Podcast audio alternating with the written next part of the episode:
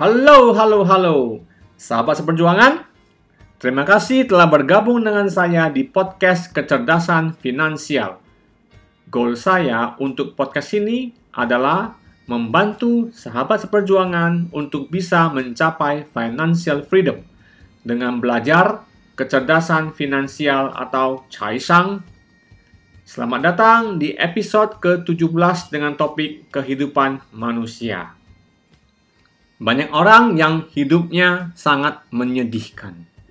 Penuh kemiskinan, penuh penyakit, penuh dengan duka. Lalu, mengapa kehidupan orang biasa itu bisa demikian? Ada peribahasa mengatakan, kehidupan manusia dari 10 ada 9 yang tidak sesuai harapan. Kenapa bisa begitu?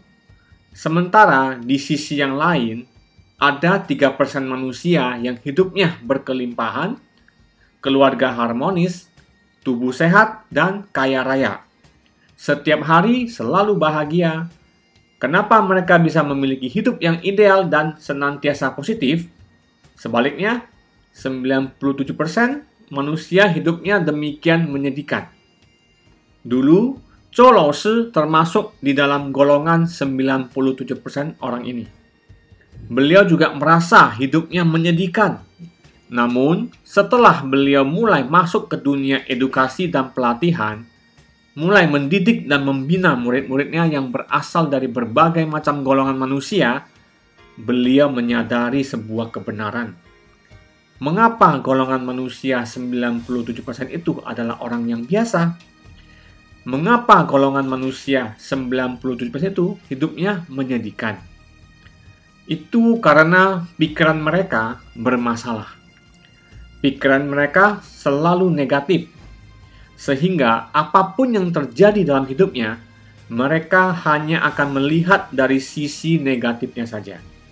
Lalu, dengan pikiran negatif, mengambil tindakan negatif, sehingga akhirnya mendapatkan hasil yang negatif pula. Ada juga sebagian orang yang, walaupun dia tidak memiliki pikiran negatif, namun emosinya negatif. Saat normal pikirannya baik dan positif.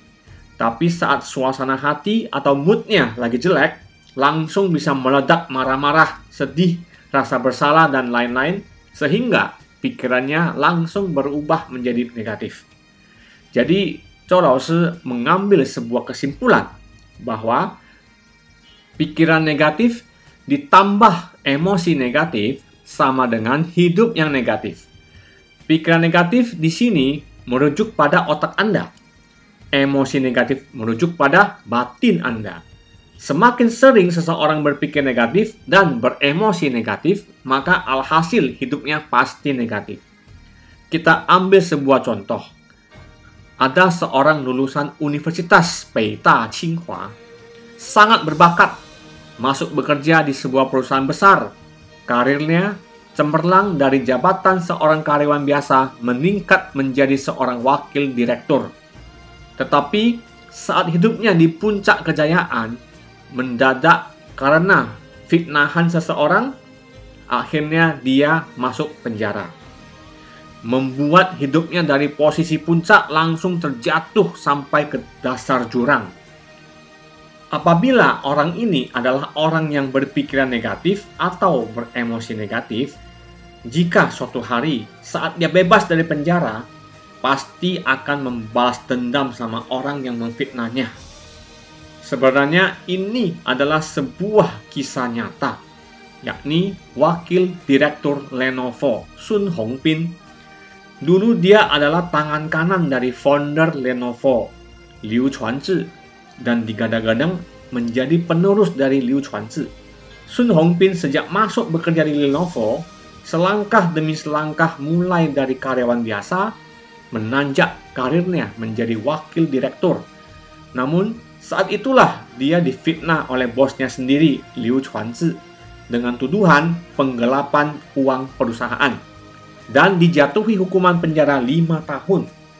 Kemudian Sun Hongpin tiada hentinya mengajukan banding, lalu akhirnya terbukti tidak bersalah dan bebas tanpa syarat. Tetapi dia sudah terlanjur masuk penjara lima tahun jika dia adalah orang yang berpikiran negatif, beremosi negatif, dia pasti akan mencari Liu Chuanzi untuk membalas dendam. Tapi dia tidak demikian. Apakah Anda tahu dia melakukan hal apa? Dia mencari Liu Chuanzi untuk meminjam uang satu miliar rupiah.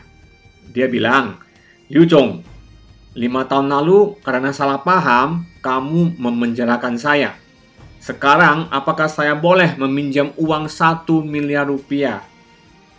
Dia dengan hati yang sangat bersyukur bertemu dengan Liu Chuanzi.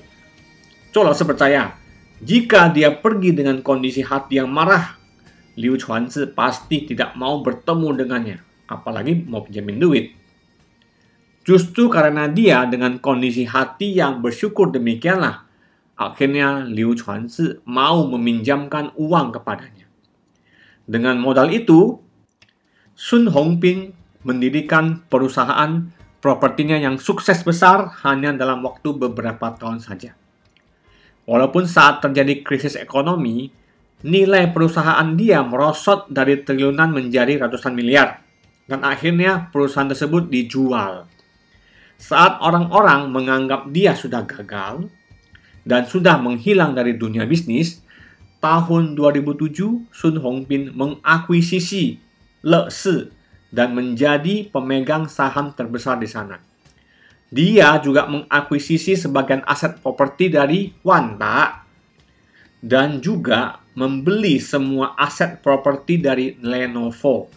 Ada yang menghitung total-total untuk semua proyek yang disebut tadi, Sun Hongpin menghabiskan uang puluhan miliar renminbi sehingga perusahaan dia, Rongchuang Zhongguo, menjadi bahan pembicaraan dan menjadi panutan banyak pebisnis di Tiongkok. Mengapa orang ini bisa memiliki hidup yang demikian berkelimpahan? Karena apa pun yang terjadi pada dirinya, dia selalu melihat dari sisi positifnya. Sisi pandangnya selalu yang positif setiap hal yang terjadi pada kita pasti ada dua sisi, yaitu yang positif dan negatif. Jika kita terbiasa memandang dari sisi negatif, lama-kelamaan pikiran kita akan menjadi negatif, emosi kita juga akan negatif, sehingga hasilnya hidup kita akan negatif juga. Sebaliknya, jika kita terbiasa memandang dari sisi positif, maka pikiran kita akan menjadi positif, emosi juga positif, sehingga hasilnya hidup kita akan positif juga. Seperti di Jiacheng, kenapa bisa menjadi orang terkaya di Asia selama puluhan tahun? Itu karena terjadi apa pun juga, dia selalu memandang dari sisi positif. Anaknya pernah diculik, lalu saat penculiknya datang ke rumah untuk mengambil uang tebusan, Li Jiacheng bisa merangkul si penculik dan menjadi temannya yang malahan menjamin bahwa selamanya akan melindungi keluarga Li Jiacheng. Laoshi merasa ini bukanlah hal yang bisa dilakukan oleh orang biasa. Coba Anda pikir-pikir, anak kesayangan Anda, pewaris satu-satunya bisnis Anda, diculik orang. Namun masih bisa dengan santai mengobrol dengan penculiknya, ini bukan sesuatu yang bisa dilakukan oleh orang biasa. Maka dari itu, Kenapa ada orang yang bisa sukses dan memiliki kehidupan yang serba berkelimpahan? Itu karena pikiran mereka selalu positif. Chou dulu hidupnya juga menyedihkan. Chou juga mengalami banyak masalah hidup. Tidak mungkin hidup kita lancar terus selamanya. Tetapi hidup Anda hasilnya nanti akan baik atau buruk, itu tidak ada hubungannya dengan masalah yang ada namun erat hubungannya dengan pikiran Anda, erat hubungannya dengan emosi Anda. Jadi, mulai hari ini, marilah kita semua belajar untuk senantiasa melihat segala hal dari sisi positifnya saja. kita semua belajar untuk selalu berpikir positif, selalu menjaga emosi positif, sehingga menciptakan kehidupan yang positif pula. Jikalau Anda bisa, saat terjadi sesuatu selalu melihat dari sisi positif, maka lama-kelamaan kehidupan Anda akan berubah drastis seperti Tolause hari ini, yang dari tidak punya apa-apa menjadi tidak kekurangan apa-apa.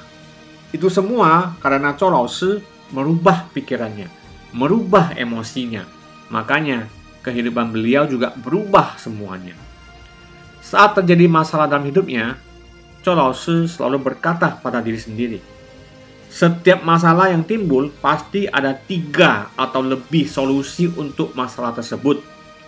Segala kejadian pasti ada tujuannya, dan pasti tujuannya untuk membantu saya. Tidak mendapatkan yang saya inginkan, nantinya pasti akan mendapatkan yang lebih baik. Lama-kelamaan, Cholose berhasil membentuk sebuah sistem belief positif setiap masalah yang terjadi pada hidup beliau pelan-pelan akan berkembang ke arah yang positif juga.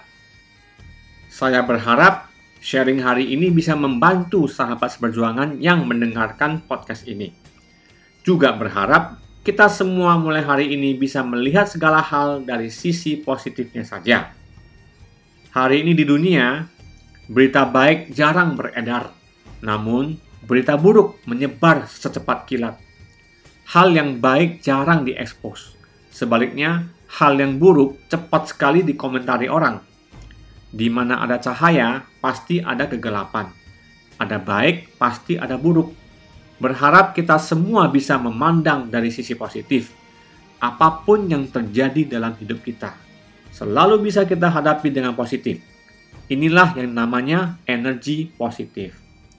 Apabila semua rakyat Indonesia bisa memiliki energi positif, maka negara kita baru bisa tambah makmur, negara kita baru bisa lebih baik.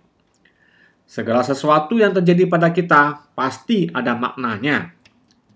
Ada seorang anak gadis yang suka melukis. Namun, karena orang tuanya melarang, maka dia akhirnya menjadi seorang teknik sipil yang biasa-biasa saja. Suatu hari, dia mengalami kecelakaan mobil dan menjadi cacat kakinya. Jika dia memandang dari sisi negatif, kejadian ini pasti akan memilih bunuh diri atau menjadi patah semangat. Namun sebaliknya, dia melihat dari sisi positif bahwa akhirnya tidak perlu lagi bekerja sebagai teknik sipil yang dia tidak sukai dan mulai melukis lagi sehingga pada akhirnya dia berhasil menjadi seorang pelukis terkenal dan kaya raya.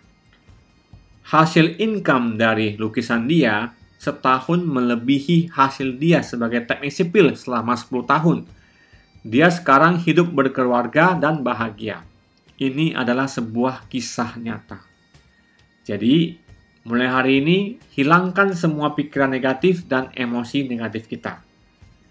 Gunakanlah pikiran positif dan emosi positif untuk menghasilkan kehidupan positif yang berkelimpahan dan kaya raya.